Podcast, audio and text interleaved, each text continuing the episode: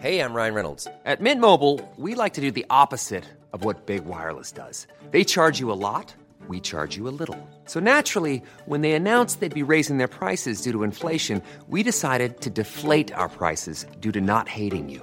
That's right. We're cutting the price of Mint Unlimited from $30 a month to just $15 a month. Give it a try at mintmobile.com slash switch. $45 upfront for three months plus taxes and fees. Promo rate for new customers for limited time. Unlimited more than 40 gigabytes per month. Slows. Full terms at mintmobile.com.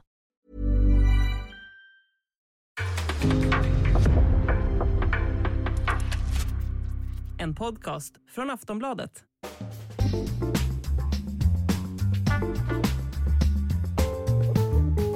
Sportbladets VM-podd eh, hälsar välkomna till en ny vecka. Vi är inne i slutfasen av den andra gruppspelsomgången, ja ni hör ju.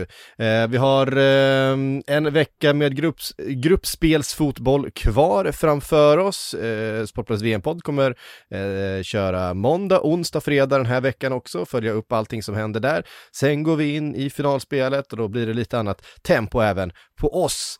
Eh, Frida, du finns med igen från Doha. Hur har din helg varit? Den har varit eh, späckad. Jag vet knappt vilka matcher jag har sett, höll jag på att säga. Det är, det är så pass alla dagar bara smälter ihop. Men eh, Mm. nej, det rullar på här borta.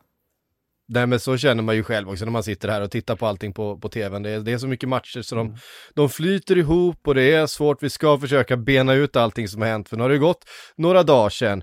Eh, precis efter vi spelade in senast så eh, klev ju Qatar in mot Senegal. Qatar var första laget in i turneringen och de var också första laget ut ur turneringen. för de förlorade då med eh, 3-1 mot Senegal som äntligen fick målskyttet att lossna lite grann. Får se ifall eh, det kan innebära ett avancemang för, eh, för Senegal. Vi har ju en del förhoppningar på det laget ju. de imponerar inte så mycket tyckte jag ändå. Alltså att man hade nästan velat se ännu mer fart och, och kvalitet från dem än vad de visar. Jag tyckte Qatar gjorde en väldigt bra match här också i den. Så att, Ja, det var ju bättre än eh, i premiären i alla fall. ja, det var ganska rejält steg upp från premiären måste man ju säga. Annars har det ju varit en överlag i alla fall ganska jobbig eh, vecka för de eh, asiatiska representanterna. Förutom en i och för sig, vi kommer väl in på den också. Vi kommer in på den, eh, men vi ska börja med det som hände igår kväll såklart, hela gruppspels eh, omgång, hela gruppspelets stormatch, nämligen den mellan Tyskland och Spanien. 1-1 blev det eh, till slut efter att eh, två inhoppare, två omdiskuterade inhoppare, Alvaro Morata och eh, Füllkrug eh, klev in och gjorde varsitt mål. Eh, två på helt olika sätt eh, väldigt intressanta historier ju runt de här två spelarna och vart de befinner sig just nu i de, de respektive landslagen. Men, men det är intressant att det är de två spelarna som går in, som är kanske också sina lags mest utpräglade målskyttar också ju. Det är ju två lag som har väldigt mycket av allt, men ingen riktigt, riktigt ut, utpräglad målskytt. Eh, båda byter in en och båda gör varsitt mål. Det, det, där har vi en, en ganska bra början på storyn i alla fall, Makoto. Ja, eh, nej vad heter det, Alvaro Morata. Jag vet att jag spontant kallade honom fotbollens Kalle Halvarsson här efter för att det är någon sån här, det är ju en karaktär som det så ofta går snett för. Att det, man vill att det ska gå bra för honom på något sätt. Han blir utskrattad, hånad, ingen ser honom som någon så här egentligt bra anfallare, i alla fall inte där gemene fotbollstittare då. Eh, men han är ju bra. Han har kvaliteter, han har ett jättestort förtroende hos eh, Luis Enrique och nu när han kom in, hela anledningen till att han har varit bänkad i början och bara hoppat in är ju alltså fysisk anledning, att han har varit skadad och så vidare. Och att Marco Asensio gjorde det så pass bra i den här falska nya rollen mot Costa Rica att han fick förtroendet igen mot Tyskland. Eh, avslutet han tar här med den här yttersidan, det är ju, det osar klass rakt av tycker jag. Eh, och Spanien gör en bra match igen. Sen är det ju mot eh, Tyskland som är betydligt mycket bättre än vad de var i sin premiär också. Och Füllkrug, som du nämnde också, den situationen är ju häftigt. Han var väl, var ett år sedan så spelade han i tyska andra ligan. Han har ju ganska många Bundesliga-år och så vidare på nacken också, men det är väl på något sätt under hösten som han har haft sitt stora genombrott egentligen som 29-åring. Öst in mål, leder Bundesligas skytteliga före Choupo-Moting, för övrigt på tal om en väldigt underlig skytteliga. Eh, kommer in och ja, avslutet är ju det är ett Buster-avslut. Alltså det, det är bara rakt upp i nättaket. Det är så otroligt vackert och jag skulle inte bli förvånad om han startar mot Costa Rica. Jag kallade honom eh, före sändningen här, Frida, för eh, Tysklands eh, Ricky Lambert. håller, du, håller du med om den jämförelsen? Det finns ju någonting Ja. där, eller hur?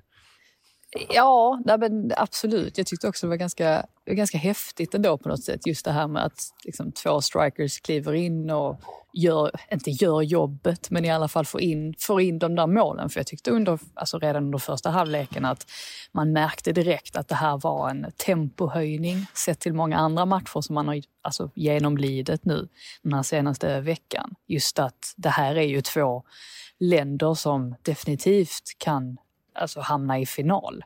Och det, i och med då att matchen var så betydligt, men betydligt viktigare för Tyskland än vad de kanske hade trott då eftersom att de förlorade första matchen så blev det på något sätt liksom ännu mer eh, intensitet och jag tror väl att liksom, de tyska spelarna tog ju givetvis då matchen på ännu större allvar. Så att det här var väl ändå mästerskapets bästa match hittills. Det, det, det får man väl ändå eh, säga att det var. Kvalitetsmässigt håller jag helt med. Alltså det, fotbollskvaliteten på båda de här lagen. Ja, det märks att det är, det är bättre fotbollsspelare i, i båda de här två lagen på alla positioner än Än i de två övriga lagen i gruppen. Ja, nej, men, det är det men det, blir lite, det blir ju lite så svårt, alltså vi ser ju till exempel en, ja, men, vi ska prata lite grann om, om Belgien, Marocko här tidigare, en sån som Kevin De Bruyne som vi vet, jag menar, för några veckor sedan i Manchester City så, så var han fullständigt briljant. Alltså han, det är inte så att han är en spelare som det är inte, vi kan inte jämföra honom med en Eden Hazard till exempel som har passerat sin peak och är djupt ur form, machotränad. Det här är en Kevin De Bruyne som är, som är i fantastisk form, som gör en helt en, o- magisk höst i Manchester City. Men i den här miljön, det är för dåliga spelare runt omkring, det blir inte rätt bolltempo, det blir inte samma kvalitet på, på rörelserna, det blir inte samma kvalitet på bollarna till och från eh, de olika lagdelarna.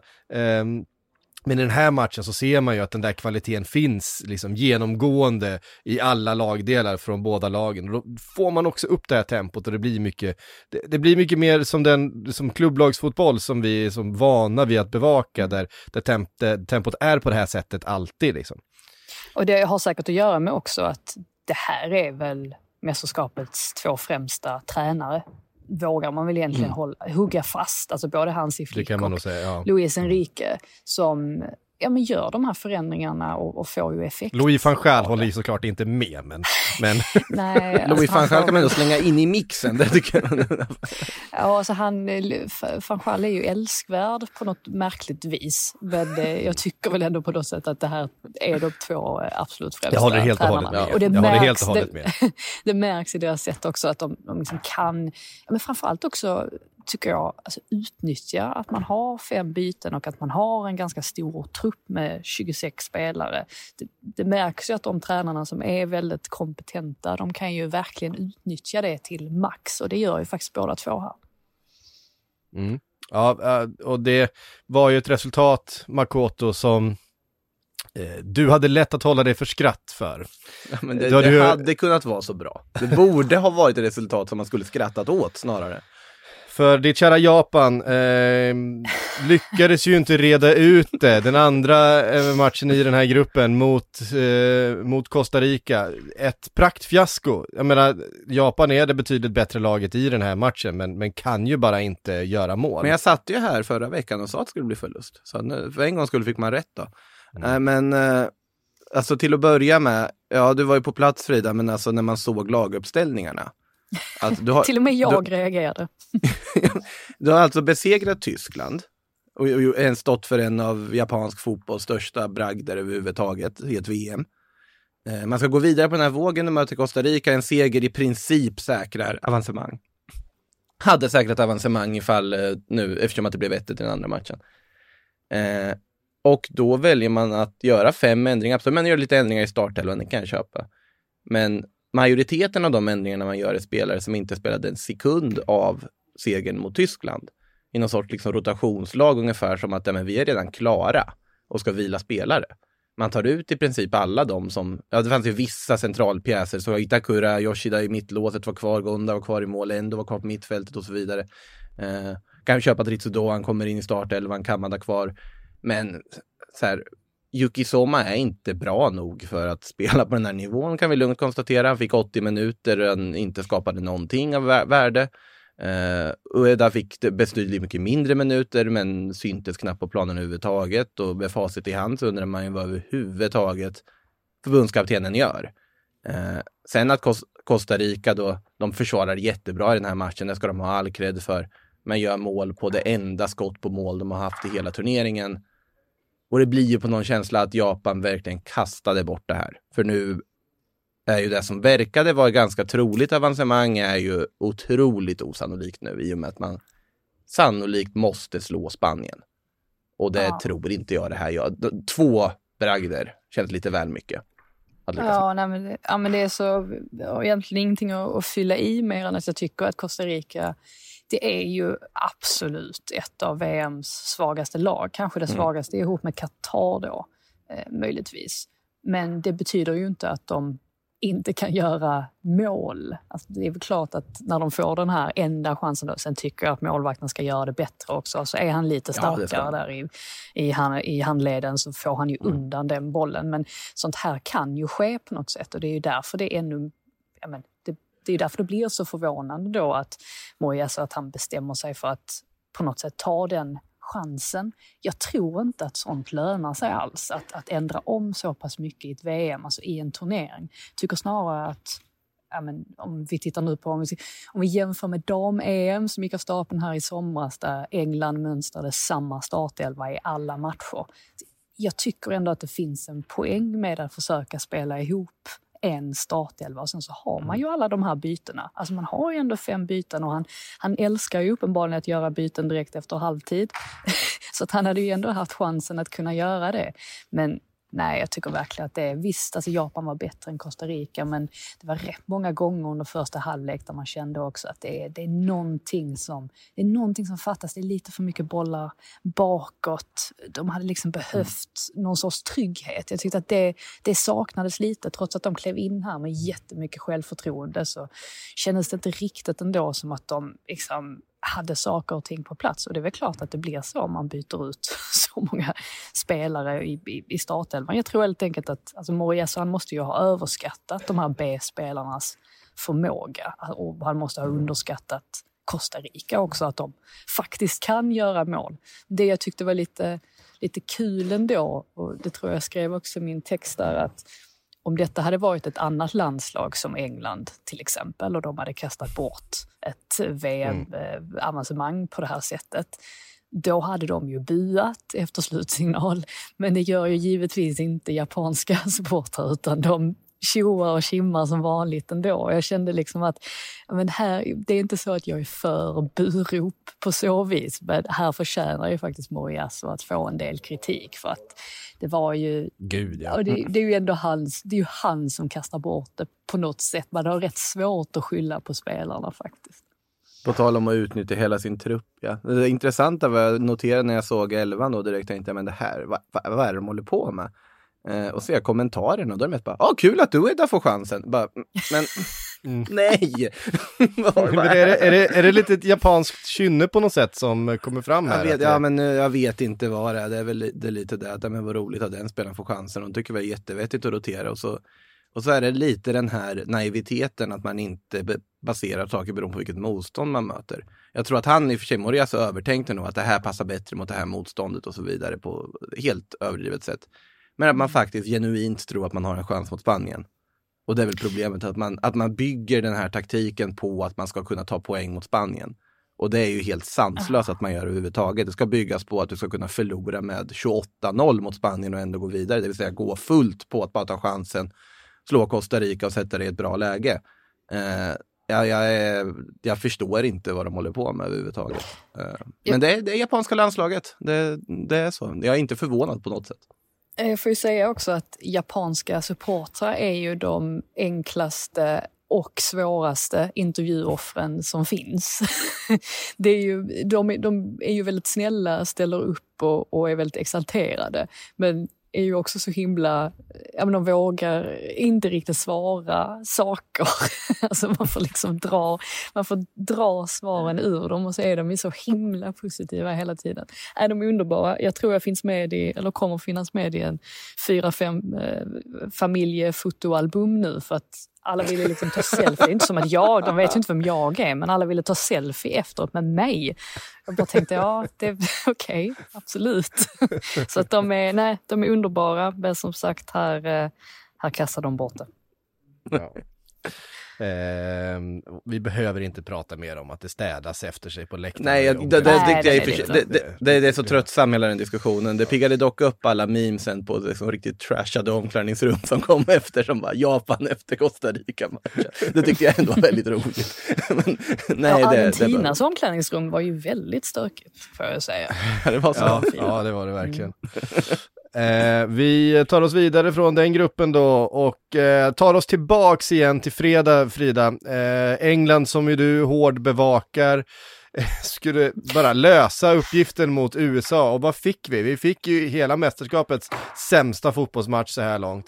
Eh, jag såg referenser dra, Ja men det ja okej okay, premiär, premiären var inget bra heller. Uruguay, Sydkorea vill nog vara med och Danmark, ja, Tunisien vill också vara med och kvala in i den där. Ja, nej, men jag såg, jag såg referenser dras till Sverige-Turkiet EM 2000 och riktigt, riktigt så, riktigt så blodfattigt var det kanske inte men, men eh, det var ingen bra match så kan vi väl konstatera. Nej, det var det inte. Eh, det var en stor besvikelse faktiskt. Nu hade väl jag inte riktigt eh, seglat iväg efter den första matchen för att man tänkte att Iran var ändå så pass dåliga i den matchen att det kommer absolut inte bli lika enkelt mot USA. Men det som slog mig, eller som har slagit mig i, efterhand och det, det man landar i på något sätt, det är ju att Gary Southgate han var rätt man när han kom in 2016 och jag tycker han har gjort ett fantastiskt jobb.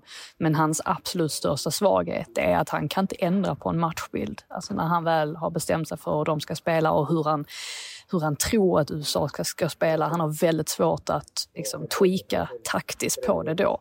Och det Bearholter gjorde här som Southgate uppenbarligen inte var beredd på, det var ju att spela i stort sett ett 4-4-2 istället där det var ju McKennie som, som var själva nyckeln i det hela, just det här med att han liksom höll sig till höger på mittfältet och det mm. gjorde ju också att nästan alla USAs anfall ja, men, uppstod därifrån. Och sen så på andra kanten då så valde man att trycka upp Anthony Robinson till vänster, vilket gjorde väldigt högt samtidigt som Pulisic klev in lite mer centralt, vilket gjorde att Trippier, han fick också en svår uppgift. För att skulle han då hänga med Pulisic eller skulle han kliva ut på eh, Robinson, vilket gjorde i sin tur att Saka också fick det ganska jobbigt som höll sig ganska lågt emellanåt. Ja, men vem skulle han markera? Så att det märktes att eh, England verkligen blev helt ställda inför hur ja, USA hade lagt upp sin taktik och att de på något sätt inte hämtade sig från det. Och vi vet ju också om att England har ganska svårt mot lågt stående försvar, alltså just som är så här pass välorganiserade som USA är. Får de inte så mycket ytor om, om Harry Kane då är lite off också, jag vet inte om det har med skadan att göra som han har haft tidigare i veckan för att han såg inte riktigt ut som sig själv heller. Ja, men då blir det inte så mycket av det. Och så får han ju ingen, han gör, Southgate gör bytena för sent, tycker jag. Han skulle ha gjort det betydligt tidigare, men han får inte heller ut någonting av det när han sätter in Grealish. Och Jordan Henderson, att man dammar av honom också dessutom. Eh, nej, det, det finns inte så mycket att det finns inte så mycket att hylla, även om Southgate lyckades hylla försvaret som ju höll, ja, höll noll. Ja, Maguire var bra. Ja, Stones var väl också, det, det var väl bra men ja, ja, det känns lite konstigt också på något sätt att sitta men, men, jag, men jag, Sen jag, å andra sidan, USA var, detta var faktiskt ju, bra. Ja, sen så är ju detta, skrev jag också att det här påminner ju väldigt, väldigt mycket om Skottland-matchen under ja. EM förra mm. sommaren. Just det här att då åkte man också på en 0-0 match mot ett lag som var väldigt taggad på att möta dem. Och fine, alltså det kanske är så att England går vidare härifrån och sen vinner man varenda match och hamnar i final. De har ju den förmågan. Men man kan inte låta bli att ställa sig frågan, är Southgate rätt man egentligen? Är han den tränaren som kan få ut mest av det här spelarmaterialet? Jag, jag tror ju inte att, att han är det. Jag tycker att det finns andra alternativ som, som är betydligt bättre. Men eh, ja, det, en poäng var väl bra sett till, sett till eh, tabellen i alla fall för Englands del. Ja, det är det. Alltså, det är ju inget, alltså, rent eh, resultatmässigt så är det ju inget eh, dåligt resultat för England. De kommer ju ta sig vidare, de kommer vinna den här gruppen till slut. Det är väl ingen som eh, tvivlar på det. Men, eh, men däremot så tycker jag, det var många som kritiserade just Jordan Henderson-bytet. Eh, och nu kommer jag ju låta som en Liverpool-supporter här. Eh, Oj, men. Men, första gången. Eh, men däremot så tyckte jag ju att England fick in lite mer fysikalitet eh, centralt. De vann ju lite mer eh, närkamper. För att, menar, om det, alltså Jude Bellingham är ju en fantastisk fotbollsspelare, men om det är någonting han kanske saknar lite grann så är, är det ju eh, att smälla på det där riktigt fysiska spelet centralt. Och det tyckte jag man fick in lite mer med Jordan Henderson. Man vann lite mer närkamper och fick lite mer jag vet inte, eh, presence eh, i, just det duellspelet. Eh, och sen vart väl inte det, eh, ändrade väl det inte matchbilden totalt, men jag fattade ju vad, vad Southgate ville med det. Jag tyckte ändå att han fick viss utdelning för, för just det. Sen är ju Jordan Jo, Henderson alltså- sämre på väldigt mycket annat än vad Jude Bellingham är, är såklart. Ja, det- Eh, det- så att det- man det var tappar ju inte- kreativitet till exempel. Ja, det, det var inte det att det var något fel på bytet i sig. Det är väl mer att det säger väldigt mycket om Southgate. Alltså, Egentligen hela, hela matchplanen säger ju väldigt mycket om Sou- Southgate. Jag fattar inte riktigt varför man inte, varför, varför man inte gick mer ja, men offensivt framåt. För att USA är inte så bra. De har inte så bra spelare. Och jag tror att hade man satt lite press på dem, varit lite mer, alltså legat lite högre, eh, tagit lite fler risker, då tror jag att man hade fått mer utdelning av det. Men det är klart, det är enkelt för mig att sitta och säga också. Och ja, alla vet ju hur en turnering fungerar. Och som sagt, de tog sig till final förra, förra sommaren. Men jag tror ändå att det är eh, det kan vara ganska riskabelt att, att spela på det här sättet också. Eh, Så att, eh, nej. Hör, hör ni han killen i bakgrunden här? Vi hör honom.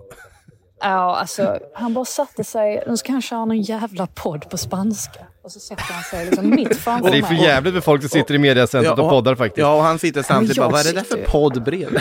Nej, men, ja, Eh, nu flyttar ja. jag här. Stanna på.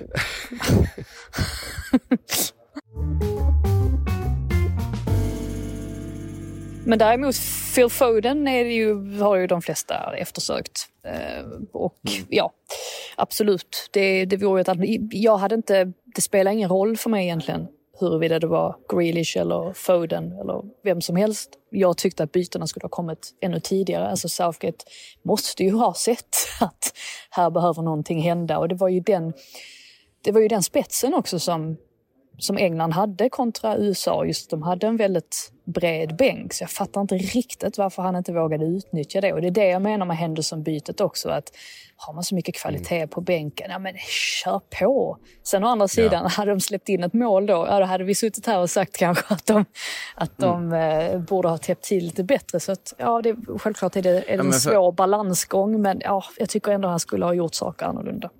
Rätta mig om jag har fel, men alltså i och med deras målskillnad och sånt, de måste väl förlora med typ 4-0 mot Wales för att överhuvudtaget riskera att åka ur.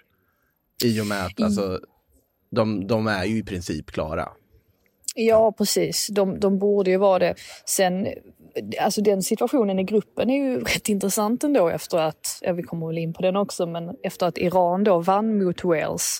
Så eh, ja, det är väldigt tajt nu. Mellan, eh, ja i alla fall då om vi, om vi ska säga att England redan är klara, så är det ju väldigt tajt om andra platsen så att och jag vet inte alls hur den matchen kommer gå. Alltså Wales har inte varit bra hittills, absolut inte, men man tänker sig ändå att de kommer vara lite grann som skottarna var förra sommaren, att de är ännu mer taggade. kan ju bli Gareth Bales sista, sista match, eller det blir väl hans sista VM-match i alla fall. Eh, Så att, ja, det är mycket, ändå mycket som står på spel eh, i den sista matchen. Då. Ja, även i den andra är ju, det är ju också en, Ja, och många anledningar speciell match eh, också Ja, nu. När det politiskt dessutom har en, spänd. Ja, när den dessutom nu har sportslig vikt också med Iran mot USA, vilka går vidare. För det är ju lite där vi har hamnat i och med resultaten vi har fått. Om man går på just Irans match här också. Eh, var ju noterbart också där, alltså fatta den, alltså den situation de är i, spelarna, och spela med. Alltså till att börja med där först att våga göra det, att ta det statementet för folket att inte sjunga nationalsången första, Mm. första dagen, vilket är helt sanslöst modigt egentligen sett till vad Mm. som pågår i landet och hur regimen sköter saker och ting. Och sen då sannolikt, med, med största sannolikhet, tvingade att, ja i alla fall mumla sången Mm. andra matchen.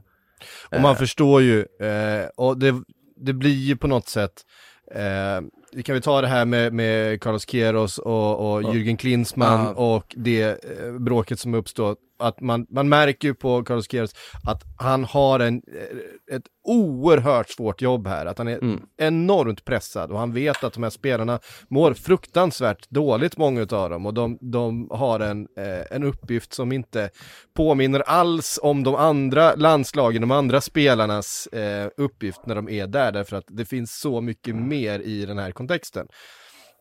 Jürgen Klinsmann som då varit ute och, och kritiserat eh, Carlos Queiroz, kallat det för ett eh, det är också sådär, man undrar hur mycket som, som var språkförbistring här för att han, han kritiserade ju Irans fotboll snarare än, än någonting annat. Men det, det går Ja, ju han, att han, tolka. han generaliserade ju ganska mycket. Han generaliserade Ja. Mm. grovt och Så när att han han väl var fick ju- chansen att pudla så gjorde han ju inte det heller. Sen är han, Det är ju, ju inte- han, är ju, han är ju lite hycklare också med tanke på hur han själv brukade spela fotboll. Kan jag tycka. Ja. Ja, eh, det. Men, men det var väldigt tydligt i det svaret från Carlos Queiroz, vi ska inte gå in alldeles för mycket på det, men Mm. det, det finns ju att läsa mer om såklart, eh, att det var, det var extremt långt, det var väldigt känslofyllt och det, det avspeglade att han var tvungen att ställa sig där och ta det här för det här laget, för att det är inte, det är inte, not now Jörgen. Mm. Det var det- Verkligen. Det var det som Men det, var konstigaste, men det konstigaste var väl ändå att han valde att twittra det istället för att bara Ja, få lite- på presskonferensen och, och svara det. Det tyckte jag stack ut mest i allt det här. Att Mm. han faktiskt valde att använda sig av sin Twitter. Då, då tänker man varför, varför det? Vad ligger bakom att Mm. han kände sig nödgad att göra det? Jag, jag tycker nästan att allt kring Iran, man vet inte riktigt vad man ska tro. Och jag har ju pratat med jättemånga iranier nu den här senaste veckan. Och alla tycker ju olika i stort sett. Inte alla, men, men man har liksom olika syn på själva situationen. Där vissa tycker att ja, men jag går på matcherna, men bara för att jag ska kunna smuggla in liksom, politiska budskap och, och liksom visa mitt eh, missnöje gentemot regimen. Och sen så har man andra som, som tycker liksom att nej, nej, men det får vi tänka bort och nu, nu är vi här och, och detta är vårt lag. Medan andra då påstår att det här är inte alls vårt lag längre, det här är regimens lag. Eh, nej, men spelarna, vissa spelare, de, de, de står på, eller majoriteten av spelarna står på vår sida. Det är så mycket fram och tillbaka. Så jag vet egentligen inte riktigt hur många iranier som är glada över detta. Alltså hur många som gläds med landslagets framtid, eller framtid, framgång skulle jag säga. För att man vet som sagt inte riktigt vad som pågår bakom kulisserna. Och att de nu mimade till nationalsången, även om det var någon spelare efteråt som ändå gick ut och sa att ja, men den här segern var för folket, så märker man ju att det finns en, eh, ja, det finns en spänning kring allt. Mm. Och jag är ju faktiskt förvånad över att de kunde Nej, men att de, de kunde spela på det sättet som de gjorde, för de var ju mycket bättre mot Wales eh, jämfört med i premiären.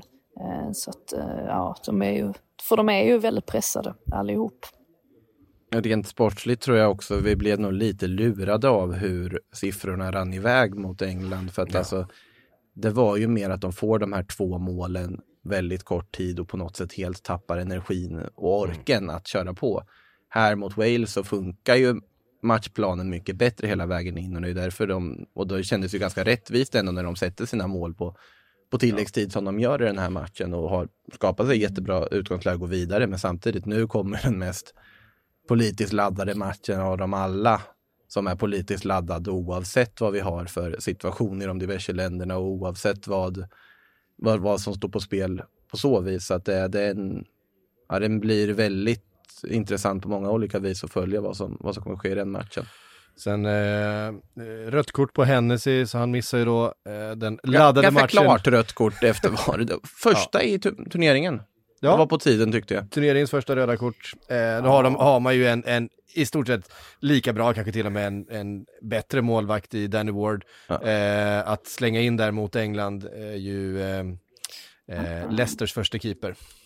Sen, för- ja, sen, sen är det ju det där med Wales att Ja, jag vet inte riktigt vad man ska säga om dem heller. Alltså, de har ju inget mittfält. Nu fick ju Joe Allen, han är ju knappt, hans ljumskar har ju knappt eh, ja, men läkt. Och han, ändå får han slängas in i ett försök att få stopp på blödningen. För att det är på något sätt som att de, ja men Aaron Ramsey och eh, Ethan Ampadu de visste ju inte riktigt, de, de kan inte riktigt spela ihop. Alltså jag tyckte väl ändå att Ampadu, han, han försökte väl på något sätt hålla ihop det, men varje gång han driftade ut till höger, ja men då tog Ramsey en, en, en djupledslöpning. Och, ja men vad händer då? Då är det ingen centralt. Alltså det är sådana, sådana basic grejer som inte alls fungerade för Wales. Så att de förtjänade ju faktiskt att förlora den matchen. Men med det sagt, hade det inte varit så här många minuters tillägg i varenda match, då hade de nog lyckats hålla nollan för att vi var väl uppe i 111 minuter när 2-0 målet kom. Så att ja. man kan ju ha...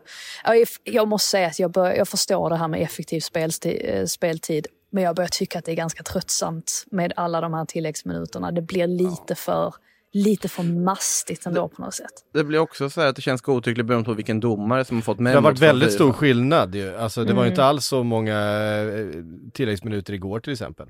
Eh, Nej, precis. där börjar jag tänka att har de ändrat sig nu eller har de pratat ja. om detta? Ibland gör de ju så att de helt plötsligt kommer på att någonting är väldigt dåligt och så ändrar de mitt under. Jag vet inte ja, för alls. Det var 90 plus 8 när Irans 1-0 mål mm. eh, kom till.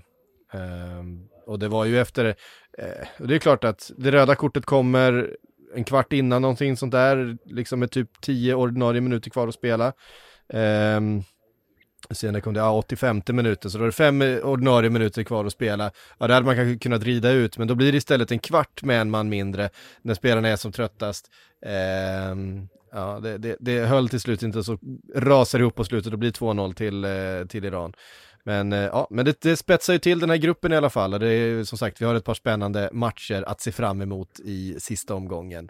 Eh, där i grupp B. Eh, vi ska ta en liten paus, eh, men när vi kommer tillbaka så ska vi prata Messi, vi ska prata Mbappé, vi ska prata eh, det som också har hänt under eh, helgen.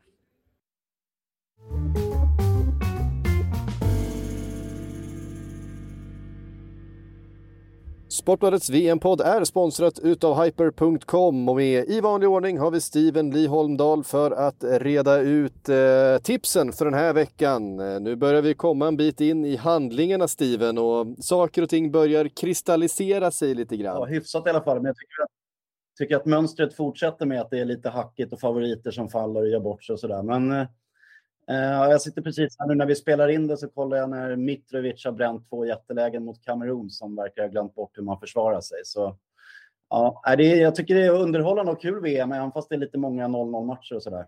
Ja, det är verkligen. Det, det, det, pen, det pendlar mellan ren, ren tristess och eh, fantastisk underhållning faktiskt. Men eh, det, jag har väl fastnat lite för att eh, jag tycker att eh, Wales helt enkelt är för dåligt för att vara kvar i det här VMet och jag tror inte att de kommer göra särskilt mycket mot England heller. För de måste, de är liksom piskade att gå framåt och det brukar inte vara så bra melodi för Wade som egentligen bara är bra när de får kontra. Och de har väl egentligen bara gjort ja, typ 20 godkända minuter på hela VM när de fick till någon liten forcering mot USA. Men sen var det en platt fall mot Iran senast som England körde över med 6-2. Eh, och jag tror väl också att eh, Harry Kane börjar ledsna lite på att gå mållös. Så nu bättre läge tror jag inte han kommer få här nu med Wales som måste byta målvakt och måste börja anfalla. Så jag spelar att England vinner imorgon mot Wales och att Harry Kane gör mål och det får vi 2,56 gånger pengarna på. Ja, fint. Eh, och de här oddsen hittar ni såklart då på hyper.com och kom ihåg att du måste vara 18 år för att spela. Och är det så att du eller någon du känner spelar lite för mycket så gå in på stödlinjen.se och läs mer.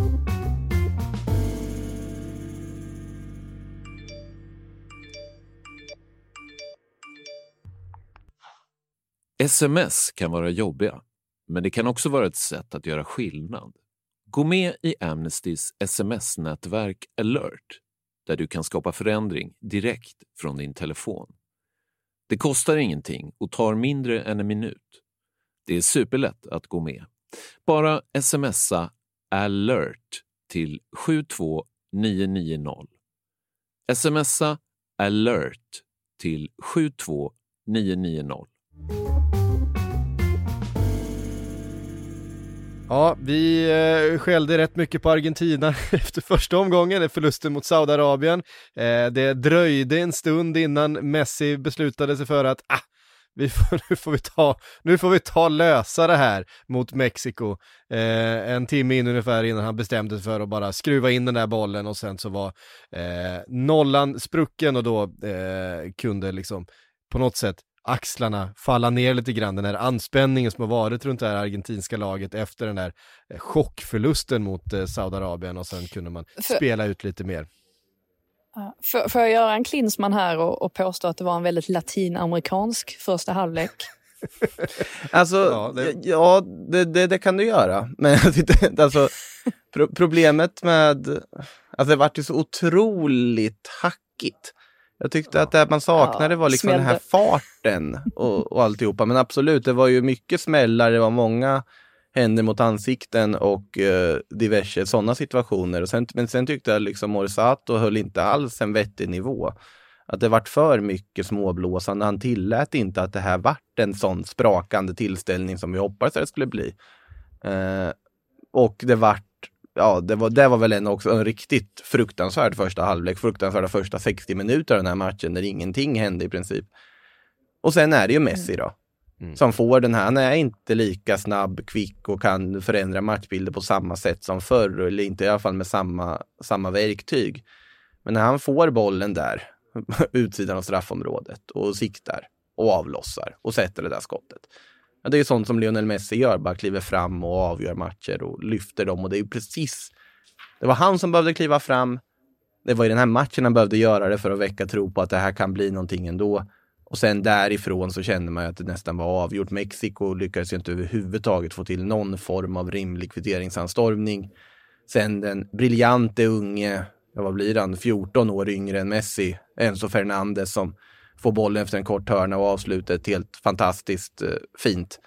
Eh, Benfica-talangen som inte lär vara kvar i Benfica jättemycket längre till med tanke på vad han har gjort där sedan han kommit dit. Eh, nej, det var har- jätteviktiga tre poäng för, eh, för Argentina kan man lugnt konstatera. Där har vi nog ett av mästerskapets genombrott i Fernandes. En sån spelare Mm. som vi kommer att prata betydligt mer om efter det här. Eh, Det är alltid någon som eh, poppar upp. Men jag håller med. Klar för, jag- klar för Real Madrid i, i övermorgon. exakt, exakt. Snabba ryck. Han, han, ja. eh, han behöver ju få starta i alla fall också, kan vi säga. Och jag tycker att det är jättekonstigt om inte han får starta mot eh, Polen med tanke på att Papu Gomez funkade inte överhuvudtaget mot Saudiarabien. Jag tycker Nej. inte McAllister funkade överhuvudtaget här mot Mexiko egentligen. Eh, en spelare som Fernandes som har den här liksom extra kreativiteten och på något sätt blir en blandning av båda, att han kan väl även ta defensivt ansvar på ett mittfält. Han, han gör väldigt mycket, otroligt alltså, så pigg spelare. Så jag tycker att han ska, han ska in i en startelva mot Polen i alla fall. För det lär mixtras i den också till nästa match, har jag för mig. Det var många ändringar i båda älvorna här inför. Eh, vad Mexiko gör förstår inte jag riktigt heller med att gå ner på en fembackslinje, peta Edson Alvarez. Det var mycket som var frågetecken kring uttagningen från Tata Martino. Ja, Eh. han kommer, ju få, han, han kommer ju få mycket kritik. Eh, Eller det har han väl fått. Det har ju gått en tid efter den här matchen. Men Ja. just det där också att visst, Argentina har ju egentligen bara två, två ögonblick här av magi på något sätt. Men det räcker ju eh, för att de ska liksom sätta två bollar. Och har man då den matchplanen som Mexiko hade, ja men då, det känns inte så kul efteråt. Alltså jag kan tänka mig att det är många mexikaner som sitter och tänker att varför vågade vi inte lite mer? Varför, varför körde vi inte bara på att man nästan har större chans att besegra Argentina på det sättet? För det får man ju säga att Saudiarabien faktiskt gjorde. Visst, de stod ganska lågt mot slutet, men det var ju för att de hade ledningen då. Alltså annars så körde de på ganska hårt och stod där med sin höga backlinje och vågade på något sätt spela fotboll. Det, de bevisade ju att det faktiskt går att slå Argentina på det sättet. Det är lite svårare om man börjar bli trött i benen och sen så får Messi ett, sånt, ett sånt där läge. Ja, Det är nästan omöjligt att hålla honom från att göra mål då. Ja, men titta på hur Mexiko slog Tyskland för fyra år sedan. Då var det ju bara full fart framåt. Det var bara noll koppel på Irving Lozano som fick bara göra det han kan och bara gjorde slarvsylt av det tyska försvaret. Här blir det en sån otroligt alltså, pragmatisk, riskminimerande approach till den här matchen som jag inte tycker att man hade behövt ta. Sen absolut, Eh, man kan inte se Tata Martino stå i halvtidssnacket och göra en Erve Renard och skälla ut alla spelare på samma sätt. Eh, som vi, ni har ju säkert sett de bilderna på saudiska halvtidssnacket. Eh, roligaste i det var väl i och för sig att det också då han som översatte snacket också skrek, var ju det absolut roligaste i det. Så att det var dubbelt upp. Det måste han väl göra? Men Ska man Jag gillar- så måste man väl, det. så måste man väl också få mer känsla. Men, och Mexiko hade ju behövt någon som då, den Tata Martino står och gormar på dem. Jag kan inte se honom göra det, men att det skulle behövt nå- en Tata Martino som gör det. Och den har en mexikansk tolk som då översätter det här till mexikansk spanska och go- gormar. Samma sak igen. Det hade, det varit väldigt roligt i alla fall. Och det tror jag hade behövts. Men eh, nej, nu är Mexiko är ju riktigt illa ute. Eh, absolut, om de tar en eh, seger här mot Saudiarabien sista, vilket jag ändå tror att de kommer kunna lösa. Eh, problemet är ju fortfarande att man, alltså att Raúl? Jiménez inte är helt, helt fit for fight. Eh, ja, jag tror att de ändå löser Saudiarabien sista, men jag har trott fel mycket hittills i det här mästerskapet. Så. Ja, för jag tycker Eh. ändå att Saudiarabien, trots att de förlorade mot Polen, så var de ju faktiskt Mm. bättre rent spelmässigt än vad Polen var. Ja. Eh, alltså Polens, skillnaden mellan ja, men, seger och förlust för Polens del, det var ju Szczesny i mål och sen ja, till, i mångt och mycket Lewandowski då, att man har honom där fram. Och så är det ju några sekvenser man gör bra, men Saudiarabien är, de är rätt starka. Ett trött gäng Polen. Det är ett, tr- det är ett trött landslag de har nu alltså. Men är de inte väldigt, alltså de påminner en så mycket om Sverige på något sätt. Alltså, Ja. Ja, men alltså det är verkligen... Kanske det- Sverige det när finns- man hade Zlatan. Det, det är Ja, exakt det. Ja, det, är, det är precis det. det. Det är liksom, det, det, det är så mycket spelare som, ja men, de har varit där så länge, de har långa karriärer, de har aldrig nått den där riktiga höjden. Eh, alltså Krychowiak, Glick, alla de där är ju kvar liksom. Eh, det, Cash det har är liksom inte fyllts på. Det har inte fyllts på med något spännande. Visst, det finns Matty en... Cash. Matty Cash. Mm. Och det finns en Ja, alltså Zielinski han- som, som är, som är Mm. bra. Det är, en, det, är en, det, är en, det är en bra fotbollsspelare. Och Lewandowski, superstjärnan. Men på tal, om, Ehm. på tal om matcher där det smällde, alltså det här var ju, kan det här ha varit den absolut våldsammaste matchen av Det, dem det var en alla? jätte, jättetrevlig match att titta på tyckte jag. Ja, Eh, Polack, polackerna var ju helt, var ju helt galna ju. De måste liksom ha klivit ut eller ja, stått i omklädningsrummet inför och sagt att nu ska vi ut och smälla till de där Saudiaraberna och sätta dem på plats. För det gjorde de ju verkligen. Det var tre gula kort i- under loppet av fem minuter. Och Matty Cash armbåge där. eh, Den ja, hade kunnat det- bli en annan, Mm. en annan färg faktiskt. det hade kunnat Ja. bli en annan färg på kortet, ja absolut. Men det på något sätt ställde ju Saudiarabien, eller det var ju det som bromsade upp dem för att de inledde ju matchen väldigt piggt och, och bra och sådär. Men sen så i och med att polackerna var så fysiska, det gjorde, det tog lite udden av dem ändå på något sätt. Och så lyckades de liksom hänga i hela matchen, Polen där och få in de här målen. Ja, det är starkt att få med sig tre poäng, men jag kan ju säga att det var inte många polacker på läktarna. Det var en, eh, en, ja, ett otroligt tryck från eh, de saudiarabiska supportrarna. är inte, Såklart. är inte Saudiarabien det de har gjort i mästerskapet där vi typ väntade oss att Qatar skulle göra? Alltså att vi, vi förväntade oss att de skulle komma dit och spela sin, alltså Att Barca-orienterade. överraska lite grann. Överraska lite med en offensiv fotboll och ha jättemycket stöd på läktarna. Det är ju det Saudi har gjort snarare. Eh, bara en allmän fundering. Sen, sen måste man väl nämna alltså Lewandowski. Det märktes ju hur enormt mycket press han har haft på sina axlar när han Ja, han gör det här 2-0 målet som kan visa sig bli livsviktigt ska sägas med målskillnad i åtanke att de faktiskt utökar den här ledningen och vinner med två mål och inte bara ett. Eh, men när en spelare som då gjort över 600 mål i sin karriär, gjort, vad hade han gjort, 76 mål i landslaget inför den här matchen, till slut gör sitt första VM-mål och man bara ser att liksom bara tårarna sprutar när han bara lägger sig ner. Och det är så mycket press som släpper från hans är axlar. Ja, det tyckte jag var väldigt fint och det, det är egentligen sanslöst att han faktiskt inte hade gjort ett enda mål i ett VM fram tills nu. Eh, och det där målet kan visa sig vara väldigt viktigt för deras chanser till avancemang.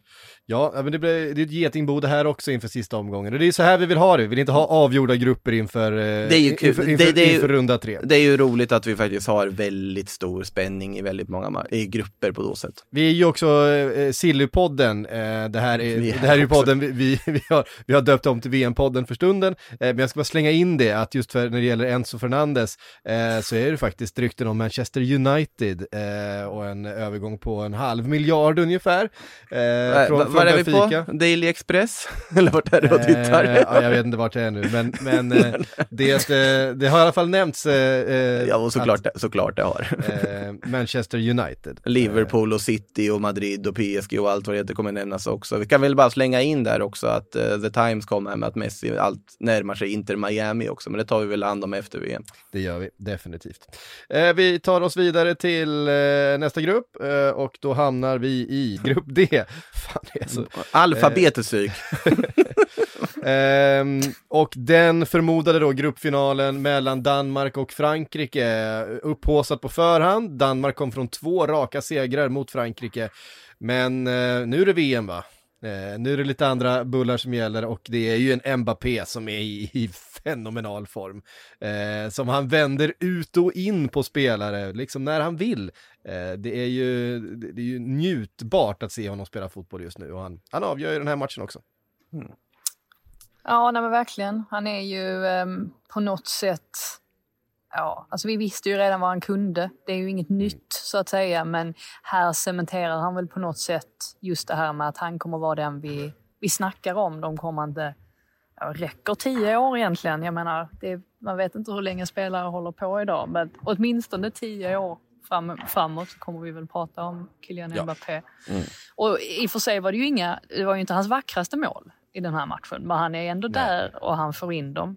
Eh, tyckte väl överlag att det var, det var en rätt hyfsad första halvlek ändå. Och sen så öppnar det upp sig i, i andra. Det har ju varit så hela VM egentligen, just att man kan egentligen hoppa över första halvlek och bara ställa in sig på andra halvlek för det är där allting händer. Det är nästan som att det blir en förmatch till själva matchen, de första halvlekarna. Men eh, ja, ja, jag tycker att eh, Hernandez såg väldigt bra ut på, på vänsterbacken. Jag tyckte att Varann var bra. Eh, ja, Mbappé har vi redan nämnt ju. Eh, Dembele, jag menar Griezmann till och med i sin lite djupare roll som vi pratade om i, för något avsnitt sedan. Jag tyckte att han klarade av det bra. Så att det, var mycket, det var mycket bra eh, i Frankrike och det syns väl på något sätt också att, att det här är ett lag som kommer gå långt. Det är en väldigt uppenbar grej att säga men det fanns ju ändå lite frågetecken i med att det har funnits en del Absolut. avbräck på de centrala positionerna och Karim Benzema är borta. De kanske mår bättre av det, vem vet? För att just nu Mm, ser de ju ut som ett lag som klickar väldigt, väldigt bra. Karim Benzema har väl haft liksom radiotystnad sen han inte var med i sen den där segern mot Australien vet jag när Giroud gjorde två. Eh, spelaren som han en gång när han fick frågan skulle jämföra sig själv med Giroud sa att det är som att jämföra, man kan inte jämföra Formel 1 och go-kart. Eh, så Ödmjukt. att, ja, otroligt ödmjukt. Nej men så, Ö- Ödmjukhet har varit Benzemas... Eh, si, si, ödmjukhet på plan, det är det som är så intressant med honom. Men vi behöver inte prata om skadade spelare som inte är med. Nu man tittar på där Frankrike är här, alltså som sagt var inne på det förut, Theo Hernandez, det är ju sanslöst egentligen att han inte var en startspelare innan det blev en skada på hans brorsa. Jag tycker att han tillför otroligt mycket på den kanten, är en av världens absolut bästa ytterbackar i, framförallt i offensiven. Så otroligt snabb, hela tiden med. Sen tycker jag det funkar ganska bra när du har en sån hyperoffensiv vänsterback. Nu får du in Kondé Varann tillbaka i startelvan igen, Kondé i en högerbacksroll istället. Och ja, jag tycker bara det allmänt funkade bra det franska laget på, på alla sätt och vis. Man kan sitta och skratta mycket åt Adrien Rabiot men det är fortfarande en väldigt bra spelare. ja, Eh. han, är, han är ju faktiskt det. Eh, Ja. Han har inte varit i Juventus senaste tiden. Ja, har- alltså grejen är att han är väl en av få som faktiskt ändå gör någonting för Juventus också och bidrar. Och det där problemet med honom och det man sitter och skrattar åt i Sillypodden, det är just att det är så mycket annat som kommer till när du ska försöka värva Adrien Rabiot som det ändå har pratats om att Premier League-klubbar vill göra.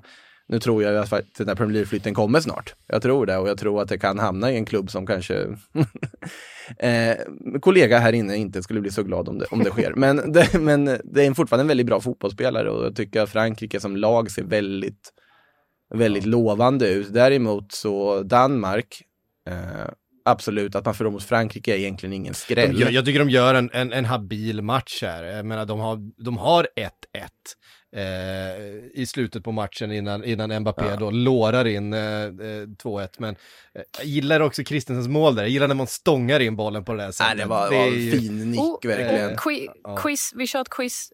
Eh, Vem, Ja. vem, vem gjorde Andreas Christensen sitt första mål för Chelsea mot? Va- Var det mot eh, Tottenham och Hugo Lloris då, möjligtvis? Nej. Nej, jag Det tänkte... ligger, det, bara- det, ligger närm, det ligger närmare än så geografiskt. Nej, Malmö FF. Jaha.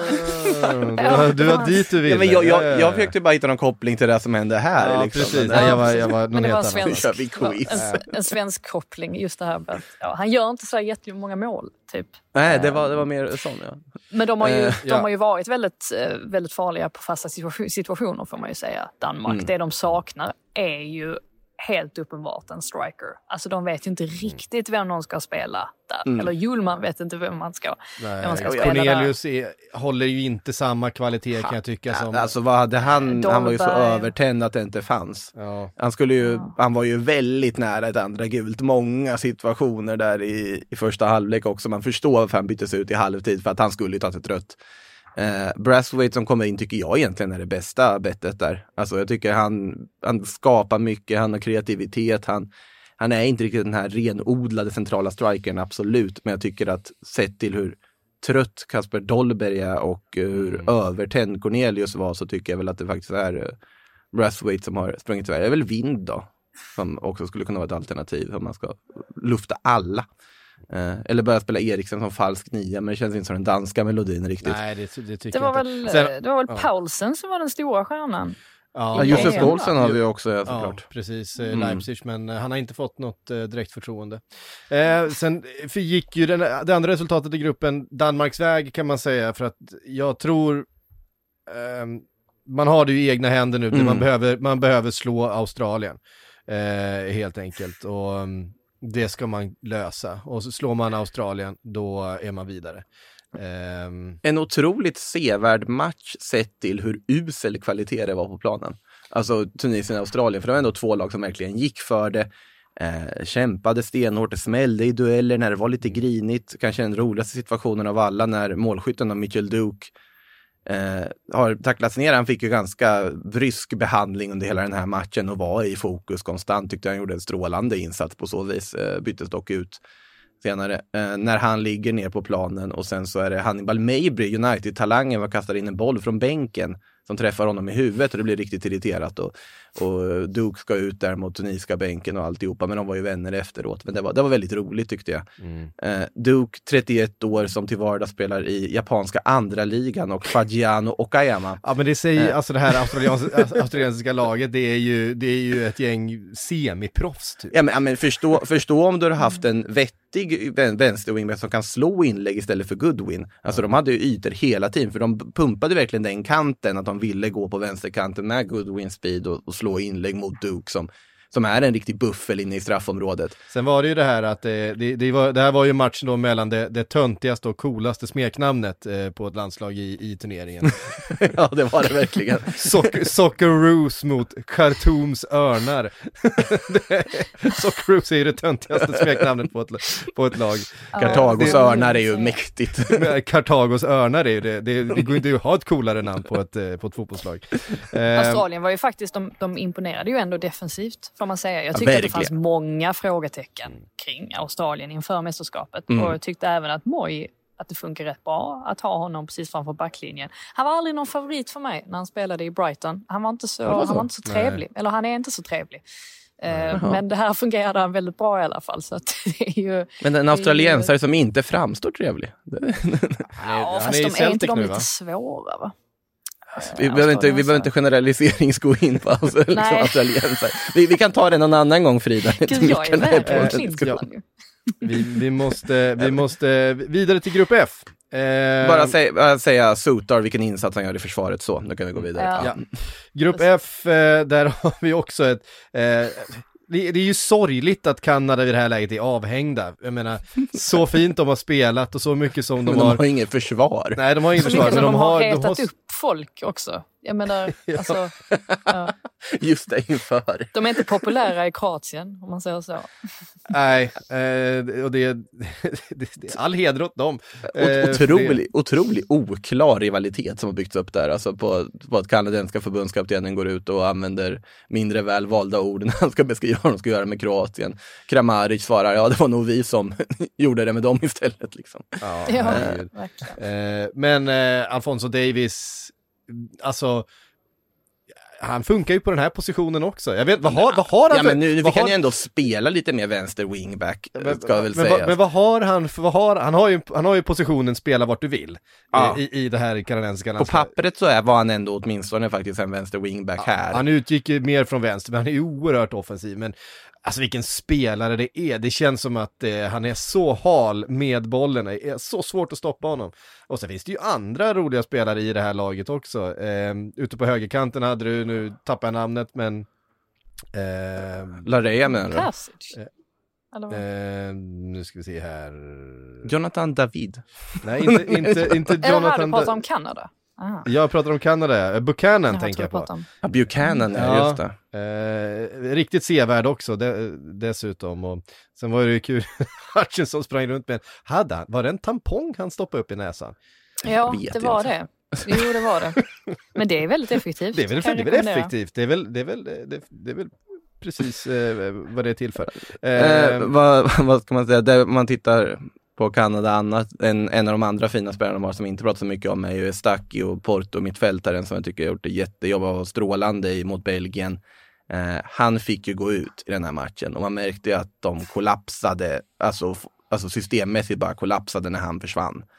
Eh, Kroatien hade ju otroligt trivsamt med alla ytor som öppnades bakom och kul för Kramaric att få, få nöta Ja, och Kroatien efter sin oerhört trötta eh, inledning i det här Mm. VMet eh, inledde rätt svagt också. Kanada var ju det laget som såg ut som de hade mer, Mm. eh, mer fart, mer drag, men sen när så äter sig Kroatien in i den här matchen till slut så orkar ju inte Kanada stå Nej. emot. Det blir ju en, en det är ju sån klasskillnad på spelarna framförallt centralt. Och, men Luka Modric ser inte riktigt ut som sig själv. Han slår bort lite för mycket bollar tycker jag. Eh, det är man ju inte van vid. Det är ju en spelare som kan gå tre säsonger utan att slå bort en, en boll. Men eh, Men de är ju lite, nu, nu fick man ju massa ytor att jobba på, men de Ja. är ju lite gamla och trötta. Mm. Eh, Det är ju känslan att det finns, de behöver en ny tändning på det. Absolut, Marco Livaja, han kan göra sina mål nu när han har fått chansen att komma in också. ja, det blev lite skillnad när han, när han kom in faktiskt. Ja, men jag tycker det finns, finns många fanns positiva aspekter att ta med från Kroatien, absolut, med tanke på antalet mål de gör. Men lite gamla och trötta, det är också en beskrivning man kan ha för ett annat lag i den här gruppen. Ja, eh, Belgien som eh, förlorade mot Marocko, eh, vilket föranledde eh, upploppsscener i Bryssel. Vi ska komma ihåg det att eh, Belgien har en enormt stor marockansk eh, befolkning. Mm. Det bor väldigt mycket marockaner i eh, Belgien och framförallt i Bryssel. Och det var marockaner som då hade varit ute och firat den här segern, antagligen ganska mycket eh, haha eh, firanden mot, eh, mot belgare. Det blev eh, bråkigt eh, och det var väl Ja, lite, lite mer våldsamt. Marok- det blev rätt Mm. våldsamt, det var väl både marockanska eh, supportrar och en del belgiska supportrar som varit inblandade, men det var vi i första hand marockaner som var ute och firade och det är firandet som spårade ur som man har förstått det. Men jag tror Ja, att det de fanns, kastade väl stenar mot polis och satte eld på saker. Och... ja det var nog bilar var. som brann. Och, Det är epitetet för ett firande som har spårat ur, om jag säger så.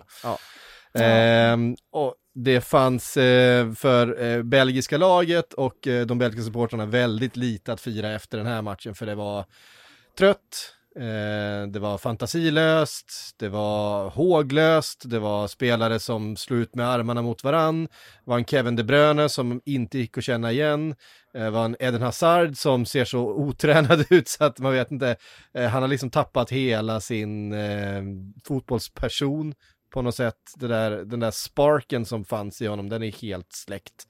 Eh, ja, och inte sådär jättemycket annat. Lukaku fick komma in på slutet, men det, det hjälpte föga. Det har ju bara varit massa liksom, åldershån mellan spelarna känns som. Det kan inte vara Mm. jättebra stämning i truppen. Öppna. Ja, De Bruyne som eh, gick ut och sa att ja, vi kanske är lite för gamla och trötta och Fertongen som också konstaterade typ som någon sorts peak till De Bruyne att ja, det är lite gammalt uppe på topp också. Att alla sitter och åldershånar varandra hit och dit i de olika lagdelarna, då kommer du inte få ihop ett vettigt fotbollslag. Jag Sen tror har han ju på rätt. riktigt. Ja. Alltså De Bruyne har ju rätt liksom. Båda har ju Det- rätt. De är, de Båda är, har ju ja, rätt. all, alla har rätt. Och Hazard var det väl som sa, ja vi har inte de snabbaste försvararna. Och det, det vet vi om, men det var ju ändå ganska hårt, och, hårt att säga det så Ja. utåt.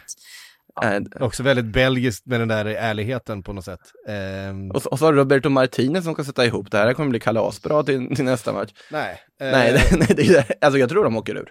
eh, Jag tror Kroatien slår dem och Belgien åker ur. Ja, det, det, Det låter inte alls osannolikt. Jag tror eh, Marocko kommer slå Kanada dessutom, för jag tycker Marocko ser ganska, De ser jättebra ut. ga- ganska spännande På tal om någon som borde se lite tröttare ut med tanke på klubblagsformen är det Hakim Ziyech, men det tycker jag absolut inte man ser någon skymt av. Jag tycker han har varit alldeles strålande där i början och Mm. länkar upp och visar verkligen. Han gör det som Eden Hazard borde göra i det belgiska landslagströjan om vi säger så. Han Hakim gör det han borde göra i Chelsea. Ja, det, det också. det också. Eh, nej, men Marocko blir väldigt spännande att följa och jag tycker att det är utan tvekan det lag från, från afrikanska kontinenten som har imponerat allra mest här i början och det är inget vågat statement ändå. De går nog vidare tror- dessutom. Vad tror vi om Martinez framtid? Han har ingen va? Nej, ändå Nej, måste ju det har han inte. Och sen, jag menar, när till och med uh, Courtois tvålar in bollar eh, som han har gjort under de här två första matcherna. ehm, då vet man att det, det är liksom så här, det är ju, det är ju kanske världens bästa målvakt. Ja. En av de tre bästa målvakterna i alla fall. Eh, det, han, ska inte, han ska inte släppa in den frisparken till att börja med. Ehm, alltså det, det, Sen- det, sen det, finns det, det- är spelare som inte spelar på sin normala nivå. Men det är, det är supertabbar. Men samtidigt så måste man fråga sig hur överhuvudtaget ett belgiskt försvar kan tillåta att Courtois blir så liksom täckt av framstormande marockaner både en och två gånger på sådana frisparkssituationer. Det finns ju in, fanns ju ingen som helst tillstymmelse till försvar i sitt eget straffområde. Eh, så, men absolut, det är ju dundertabbar av Courtois. Eh, men det är ju hela det här belgiska laget som hittills tydligt visar att de eh, håller på att bli den det här VMets absolut största flopp. Ja, men, ja, men det är ju ett lag som, som har väldigt stora brister eh, och som har svaga lagdelar, men också några riktiga super, superspelare. Courtois är en av dem, De Bruyne är en av dem. När de två spelarna då heller inte fungerar, men då finns det inte så mycket kvar att hänga upp någonting på. Eh, Thielemans petad här. ja, och Thielemans när han spelar, det har ju inte varit bra heller liksom. Men, men det som är Eh, sorgligt ur, ur, ur belgisk synvinkel det är ju att den här gyllene generationen eh, går mot sitt slut och de vann Mm. aldrig någonting. Det är ju Nej. lite där man, man landar, att det här var Belgiens stora chans på något sätt att ja, men ta, ta någon form av titel eller i alla fall vara nära att ta den. Men man har inte fått ut sådär jättemycket av det eh, i slutändan. Man, man vaskade VM bort den generationen på att eh, anställa Martinez. De fick ett VM-brons. Det är väl där de, Ja. de kommer hamna. Ja, och, jag. Marti- och Martinez, eh, Vem har inte ett VM-brons? Det har väl alla? Ja, det har vi också. när vi Ja, gräver... förstår jag menar, att jag menar. Att jag menar liksom en, eh, de, de var ju titelkandidater. Ja, eller ja, ja, absolut. Nej, men- senaste. Ja, och, och det är ju sådär, det, det får ju gå tillbaka ändå en fyra, sex, åtta år för att hitta de där, de belgiska lagen då de verkligen, verkligen hade Chansen. världsklass i Mm. alla lagdelar. Det har man inte längre. Det är ju en, det är ju en ganska blek skugga utav, utav eh, de, Men- eh, de, de lagen. Faktiskt. Men det finns ju talang, det är det som är också så frustrerande. Spela in en spelare som De Kettel är liksom helt, låt spelare som eh, De Bast och Teater spela i försvaret. Och Onana till exempel som kom in nu, det är en sån spelare du ska, som ska starta i landslaget. Axel Witzel är inte där mer. Trossard! Trossard! Ja, Trossard, det är ett jättebra exempel också. Det finns mycket spelare som, du har ju talang. Du ska inte starta med Micke Batshuayi på topp. Du har Luis Openda i truppen. Sätt honom där istället. Det kan inte bli sämre än vad det är nu. Mä- Mäktiga scener också överlag, alltså i, runt om i stan. Det är ju hur många marockaner som helst överallt. Och de var ju helt galna och de slutade ju aldrig fira känns det som. Så att de lever verkligen ut just nu. Fantastiskt. Eh, ja, hörde ni, det var allt vi hade den här eh, måndagen. Vi är tillbaka på onsdag igen. Då har vi spelat eh, färdigt de här, eh, den här andra gruppspelsomgången. Eh, Brasilien ska eh, spela ikväll, eh, Portugal likaså. Sista klockan 11-matchen idag. Just det, Serbien-Kamerun. Så den, kan vi, den ska vi ju gotta oss med tycker jag nu. När, när vi stänger av det här, eh, absolut. Och sen så eh, går vi in i upplösningen då utav gruppspelet och det, det är väl ingen grupp som är helt avgjord. Det, är, det lever eh, hela vägen och det tycker vi väldigt mycket om. Och det, eh, vi kommer ju också veta vilka åttondelsfinaler vi får när eh, matcherna det, blir det är väl färdigspelade. bara Frankrike som är helt klara va? Mm. Eh, Det är nog bara dem ja. Mm. ja. ja det, det är Brasilien kan eh, väl... Ja, kan bli det, kan, kan, kan Mm. bli det, Portugal kan bli det. Ehm, men eh, ja, eh, Oh, Portugal och Uruguay ikväll. Portugal och Uruguay ikväll, den får vi inte Mm, missa. Eh, hörde ni, tusen tack för alla ni som har lyssnat. Vi är tillbaks på onsdag igen. Du har lyssnat på en podcast från Aftonbladet. Ansvarig utgivare är Lena K. Getting engaged is a moment worth cherishing. A one of a kind ring that you design at Blue Nile can help your love sparkle. Just choose your diamond and setting. When you've found the one, you'll get it delivered right to your door. Finding the right engagement ring can be nerve wracking. At Blue Nile, you'll have the expert guidance needed and a diamond guarantee that ensures you're getting the highest quality at the best price. Cherish all of life's moments and save up to 30% at BlueNile.com. That's BlueNile.com. Samuelsson.